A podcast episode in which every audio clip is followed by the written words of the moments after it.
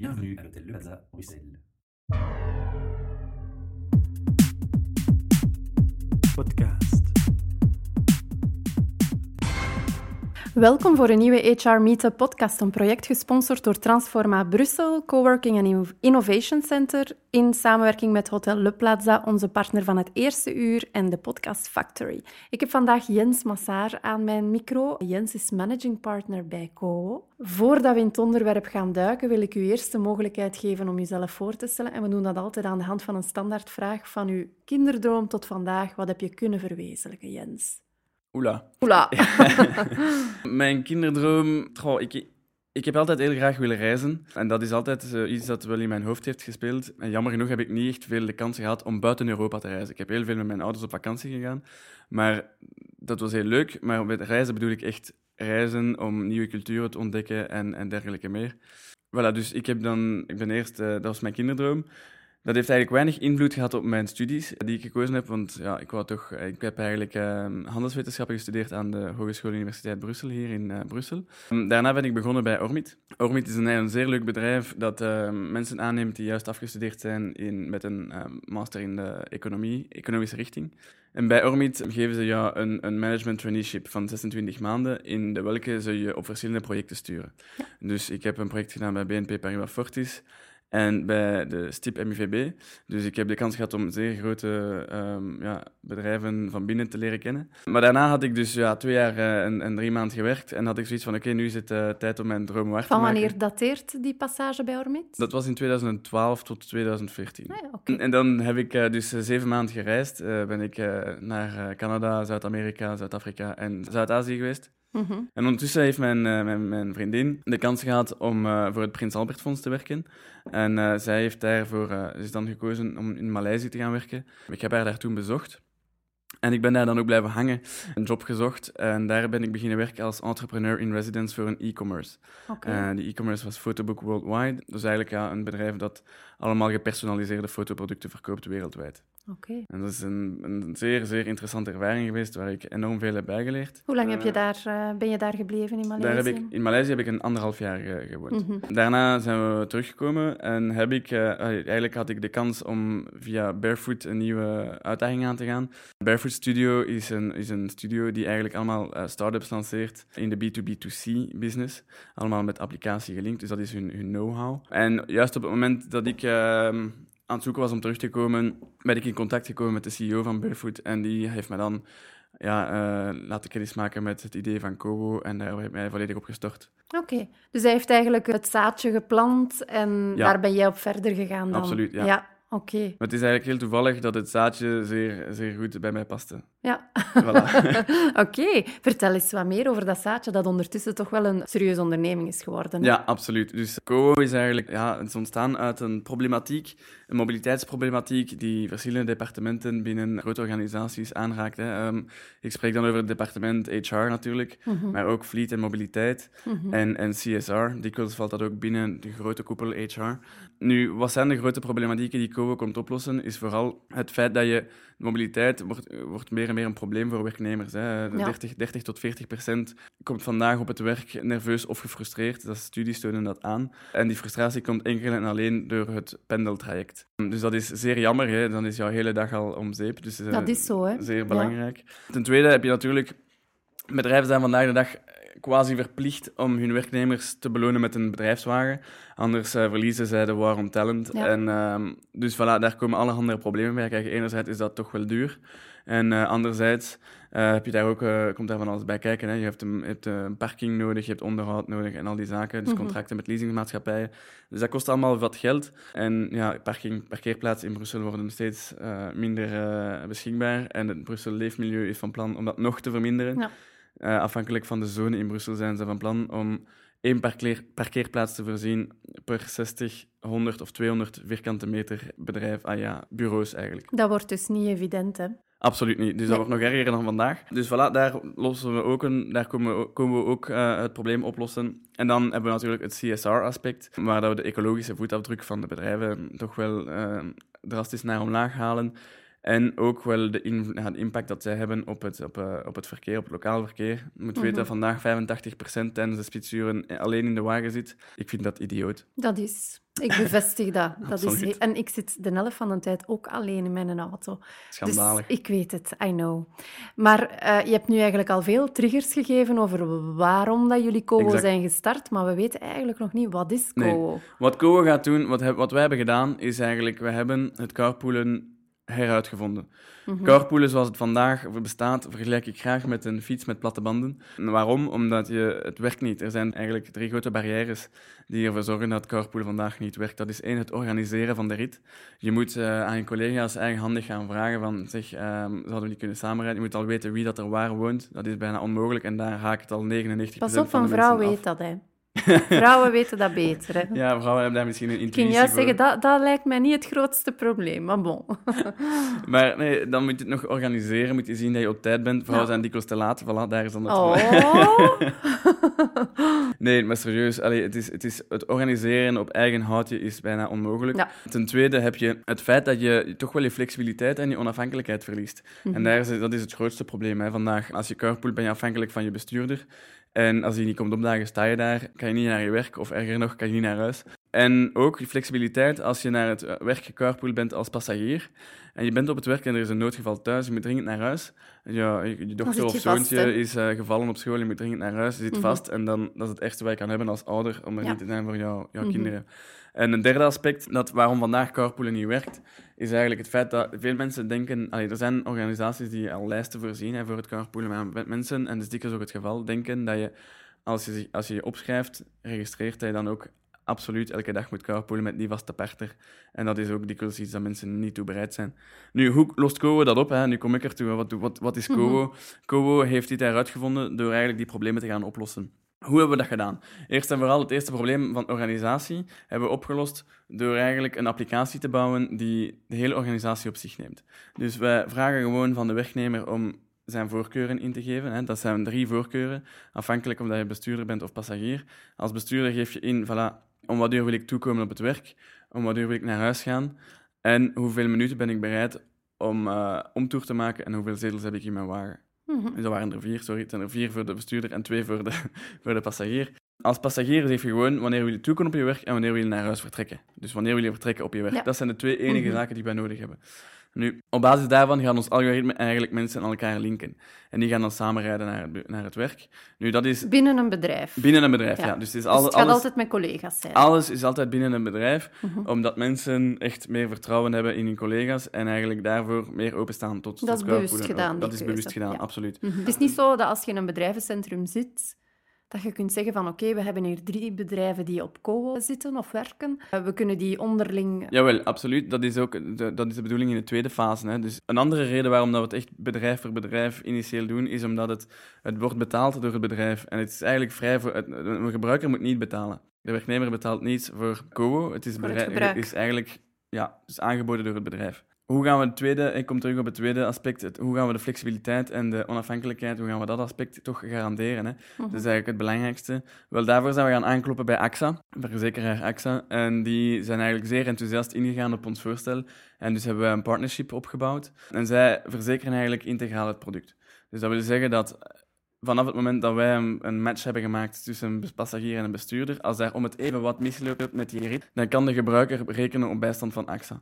Dus Mhm. als passagier kan je dan eh, AXA Assistance bellen en vragen om een gratis alternatief om op het werk te geraken of thuis. Mhm. Dat kan een gratis taxi zijn, of dat kan een eh, openbaar vervoer zijn, eerste klasse, afhankelijk van de meest efficiënte manier. Ja. En ten tweede, dus als bestuurder kan je ook altijd een accident hebben of een, een, een pannen, dan komt Ax- AXA jou ook depaneren. Dus dat Mhm. zit ook bij in de verzekering. Natuurlijk enkel voor ritten die georganiseerd zijn in het kader van CO. En het derde aspect was het feit van, als je, wat als je je re- registreert, als ik mij registreer voor CO, moet ik dan elke dag carpoolen? Absoluut niet. Opnieuw, de voorkeur is, je geeft aan wanneer dat je wilt toekomen op je werk en wanneer je naar huis gaat, maar ook, zeer belangrijk, je geeft aan welke dagen dat je dat wil doen. Mhm. Wil je dat alleen morgen doen, dan doe je dat alleen morgen. Dus dat is eigenlijk de flexibiliteit van het product zelf ook. Ik stel mij dan de vraag op welk moment, als ik mij zou aangeven als bestuurder, ik heb vier beschikbare plaatsen in mijn wagen, op welk moment ga ik weten wie dat met mij meerijdt? Kan ik op een bepaald moment zeggen van oei nee, dat is die collega waar ik in de vorige meeting een beetje een conflict mee gehad heb. Kan ik zeggen van ja, die pak ik niet mee. Nee, dus wat wij doen is, ons algoritme draait elke avond om 7 uur s'avonds. Mhm. En dus dan sturen wij ook alle informatie uit naar, eh, naar jou. Dus dan ga, vanaf dat moment weet je wie dat je de dag daarna moet gaan ophalen. Ja. Uh, zeg, stel nu dat je echt een zeer enthousiaste carpoolster bent en je gaat vier mensen ophalen, dan weet je die, dan krijg je de avond voordien de vier namen, maar ook je hele, je hele route. Dus we- je, je hebt de route al uitgepland, je weet om wat uur dat je thuis moet vertrekken en dat is rekening houdende met de, situ- met de verkeerssituatie. Mhm. Dus wij halen onze informatie van Google Traffic. Dus op die manier kunnen we eigenlijk garanderen dat de timing min of meer correct is. Natuurlijk, als er de dag daarna een accident gebeurt, dan zal ik via Google jou een andere Traject, traject voorstellen. Maar dus je weet dat van de avond voordien. De ochtend zelf krijg je nog eens een bericht, een notificatie van hey, het is binnen 10 minuten tijd om te vertrekken. Mhm. En dan krijg je terug, kan je eigenlijk de hele itinerair open doen in jouw favoriete navigatie-applicatie. Dus dat is eigenlijk voor het gebruiksgemak. Als passagier wordt het nog leuker. Als passagier kan ik eigenlijk vanaf het moment dat jij in een omtrek van 10 minuten van mijn huis bent, kan ik jou volgen. Dus kan ik zien waar dat jij jou be- bevindt met je wagen. En een beetje zoals bij Uber, ik weet niet of je dat al gebruikt hebt. Maar daar zie je echt op, op een kaart op je, op je smartphone een wagentje dat ehm, dichter en dichterbij komt. En ik zie perfect dat jij rijdt met een zwarte Mazda bijvoorbeeld en eh, nummerplaat. Zodat ik weet wanneer dat jij mijn straat binnen Als ik de passagier ben, kan jij dat als bestuurder volgen? Nee, omgekeerd. Omgekeerd, hè. Ah, ja, als passagier kan je zien waar jouw En- bestuurder is, zodanig dat je op het juiste moment Ja, eigenlijk aan de deur klaar staat, hè. klaar staat. Al dan niet met twee koffies. Voilà. En, en in de andere richting? In de andere richting om naar huis te gaan, bedoel je? Nee, nee, de andere richting. Hoe weet ik als bestuurder dat ik effectief iemand ga oppikken, dat die daar gaat staan? Heb ik daar op de een of andere manier een garantie Nee, van? daar heb je geen Misschien garantie een op. een domme vraag. Eh, maar- maar je kan, ja, nee, dat is geen domme vraag. Je kan vanuit de applicatie kan je die persoon bellen. Dus met één knop op de het is een één- mobiele applicatie. Ja, het is een mobiele Ja. applicatie, absoluut. hè. Dus van, vanuit één druk op, de, op een knop kan je direct jouw passagier bellen. Neemt hij niet op of zegt hij, oei, ja, ik heb me overslapen, ga maar door. Dan kan je Mhm. gewoon op een knop duwen van, ah, die is er niet. En dan weet, de- weet het systeem en ook jouw eh, management dat jij daar wel was, maar dat hij niet klaar was. Zeg, en als ik als bestuurder zoiets heb van 's morgens van, goh, dat komt mij eigenlijk niet goed uit dat ik nu een half uur, drie kwartier moet omrijden en ik doe het niet, ik rij gewoon rechtstreeks door naar het werk, word ik dan van het platform afgesmeten? Of... Je wordt niet van het platform afgesmeten, maar je zal elke keer als er een, interventie is van AXA, dus jouw, jouw passagier zal dan op dat moment gebruik maken van eh, de service van AXA. En dan, wordt, dan krijg jij de vraag om, een, om een, een bewijsmateriaal te geven voor de reden waarom dat je niet Mhm. bereid was, ah, niet, eigenlijk niet erin geslaagd bent om jouw passagier te gaan ophalen. Dat kan een doktersbriefje zijn voor jou, voor, jou, voor iemand van jouw familie.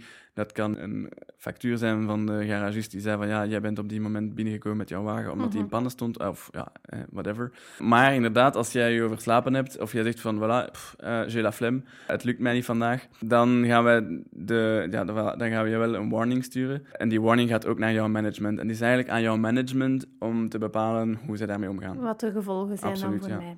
Dus je verbindt je toch ergens wel, eh, wel, Ja, wel absoluut. aan. Dat is ook de bedoeling. Ik denk niet dat je, dat je, het is niet de bedoeling dat mensen gaan profiteren Nee. van Kobo. Het is echt een, een alternatief om samen naar het werk te Ja. rijden. Voilà, het, is, ja, het is een, blijft een verantwoordelijkheid om te gaan werken. Je kan gerust iemand gaan ophalen en dan wordt het ge- eigenlijk...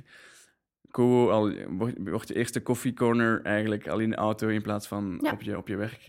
Mhm. En eh, wat ik me dan afvraag is, wat, wat doe je dan? Je bent met Kobo op het werk geraakt als passagier dan. En om 11 uur bellen ze u van school. Uw dochter is ziek, je moet die gaan halen. En daar staat het dan, want uw, uw, uw bestuurder ja, die vertrekt pas om vier uur terug naar huis of Ja. om vijf uur. Absoluut, dat was ook een van de redenen waarom dat Carpool vandaag hè, een fiets is met platte banden. Ja. Nu, hoe lossen wij dat op? Terug, eh, dankzij onze samenwerking met AXA. Mhm. Ehm, je kan de Kobo hulplijn bellen, kon je bij AXA Assistance uit, die jou dan een taxi stuurt naar huis. Prima, dus eigenlijk aan alles is gedacht. Aan alles is Ja. gedacht. En het is een groen alternatief, hè? dat is ook Absoluut, wel leuk. ja. Hè? Ja. Het is een aspect dat we nog niet echt eh, diep op in zijn gegaan, maar dat is iets dat zeer belangrijk is. Uh, om een voorbeeld te geven, een bedrijf met duizend werknemers, als 30% daarvan die werknemers het drie dagen per maand doet, dat is eigenlijk waar dat wij op mikken, dan spaar je als bedrijf per jaar 1500 bomen uit. Dus het equivalent CO2 is dat, ah, je bestaat 32 ton CO2, wat het equivalent is van 1500 bomen. Dat is niet niks, hè? Dat is inderdaad niet niks. Nee. Zeg, en voor een bedrijf, Jens, hoe, hoe werkt dat dan? Hoe, dus ik ben een bedrijf en ik denk van, hmm, Kowo, hè, ik zie dat wel zitten. Mijn, mijn mensen gaan happier op het werk toekomen en zo. Mhm. Ik neem contact met jullie op dan? Of Ja, hoe gaat absoluut. Dus vanaf het moment dat, dat jullie zeggen, oké, wij willen, wij willen Kowo gebruiken, is het eigenlijk heel makkelijk. Hè? Ehm, dus wij verkopen onze eh, Kowo in kilometerpak. Het kleinste pak is 100.000 kilometer, het grootste pak is 2,5 miljoen kilometer.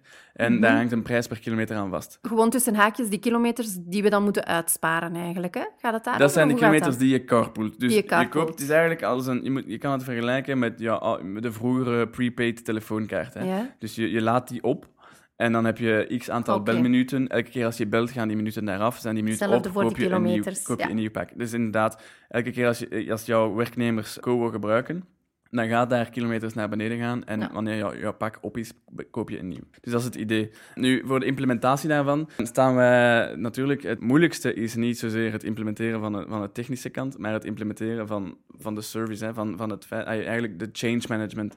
Dat is iets waar dat ik eh, jullie ehm, publiek niet moet, eh, niet moet uitleggen. Change management is het moeilijkste wat er is. Het bewust maken van de Absoluut. werknemers dus die dat dit iets voor communicatie van, voilà, er is iets nieuws, er is een nieuwe mogelijkheid. En vooral eigenlijk, de, de trick is, wat we merken, is dat je eigenlijk mensen moet overtuigen om het één keer te doen. Als het één keer doen, zien ze dat het eigenlijk zeer comfortabel is. Het is Mhm. eigenlijk hetzelfde als een Uber. Uber komt jou bij jou thuis ophalen, je ziet exact wanneer hij toekomt, je weet wie het is, je, hebt die, je vertrouwt die. Het enige verschil is dat je hier niet moet betalen. Mhm. En dus dat is de communicatie die we intern moeten doen als bedrijf. Eh, wij staan daar het bedrijf zeer graag in bij. Wij hebben een, hele, een heel communicatieplan langs onze kant ook al opgericht, dat we samen met het bedrijf gaan bespreken van oké, wat zijn jullie gewoontes voor in communicatie? Hoe kunnen wij onze materiaal daaraan aanhangen? En ja, dat gebeurt via een workshop. En dan begeleiden wij de, de klant eigenlijk gedurende de eerste maanden. Nog even om terug te komen op het concept Kowo. Gaat het dan enkel over de bedrijfswagens of gaat het ook over werknemers met hun eigen wagen? Voor, voor iedereen. Het is Ja. voor iedereen. Het is voor mensen met een eigen wagen, met een bedrijfswagen. Ook mensen die eigenlijk gewoonlijk met het openbaar vervoer komen. Ja. Als, het- als zij zeggen van, nee, pff, ik wil eigenlijk meer comfort, want het openbaar vervoer is maar één trein per uur. Ja. Ik wil zelf bepalen wanneer ik naar en van het werk terugkom. Voilà, Kobo is de oplossing. Oké, en als ik als eh, bestuurder mijn eigen wagen neem en ik zeg van ik ben bereid van een dikke half uur rond te rijden, dan verbruik ik meer benzine ook. inderdaad. Word ik daarvoor vergoed? Zijn dat dan de kilometers die ik aan mijn werknemer mag eh, Ja, terugvragen? Mijn werkgever ja. terug mag dus vragen? jouw werkgever gaat jou een kilometervergoeding geven, want alles wat je doet voor, die, voor, die, eh, hè, voor het carpoolen wordt, bepaald, eh, wordt ook aanzien als woon-werkverkeer. Oké. En dus daar word je op vergoed, voor vergoed. Nu, het andere voordeel is een fiscaal voordeel. Voor de gebruikers met een eigen wagen hebben een fis- fiscaal voordeel. En dus eigenlijk, vandaag krijg je een woon-werkvergoeding op het aantal kilometers dat je rijdt, maar dan word je 50 tot 60 procent op belast. Mhm. Door te carpoolen kan je eigenlijk heel dat bedrag eh, compleet vrijstellen van belasting, afhankelijk van hoeveel kilometers je doet per jaar. En ik denk hier spontaan nog aan een extra voordeel voor degenen die carpoolen. Je hebt altijd een betere eh, parkeerplaats. Hè. Er zijn altijd parkeerplaatsen eh, in dikwijls, bedrijven voorzien voor carpoolers. Waar kunnen wij jou vinden? Jij kan Kovo vinden op, iedereen kan Kovo vinden op eh, www.kovo.io. Dat is onze website. Wij zijn ook op Facebook en eh, LinkedIn natuurlijk aanwezig. Jens, we hebben ook een, een paar standaardvragen voor jou. eh, meer gericht op onze core business. HR. Wat is voor jou de definitie van een goede HR? Eh, Iemand die een, een volledige 360 view heeft over alles wat er gebeurt binnen en buiten het bedrijf. Ik denk dat HR vandaag een van de belangrijkste taken is binnen een bedrijf, want zij, ja, HR, Human Resources Management, zegt het zelf. Zij houden zich bezig met het human capital, wat het eigenlijk het meest belangrijke asset is in, in eender welk bedrijf. Van een eenmansbedrijf tot eh, de grote mastodonten. Nu, wat bedoel ik met die 360 view? Is dat je, ja, het is belangrijk om naar buiten te kijken, om nieuw talent aan te lokken en om de, om de toekomst te garanderen. Maar het is vooral ook belangrijk, denk ik, ah, vind ik, om intern te gaan kijken en om jou eigenlijk happiness at work te creëren, om te zien dat eh, je, je eigenlijk employee engagement creëert, zodanig dat mensen eigenlijk fier zijn waar ze werken, dat ze zich kunnen koppelen aan de waarden en normen van jouw bedrijf en dat dat ook echt uitspreekt. Het is niet langer een waarde en normen, een missiestatement, eh, een mission statement dat op een website komt, maar het moet echt voelbaar zijn in een bedrijf. Mhm. Dat is voor mij echt iets dat een, een, een goede HR-manager typeert. Zeg, en wat zijn volgens jou ja, de sterke kanten? Eh, Dat heb je al een beetje be- benoemd van een HR, maar misschien dan meer de valkuilen. Waar moeten we voor opletten?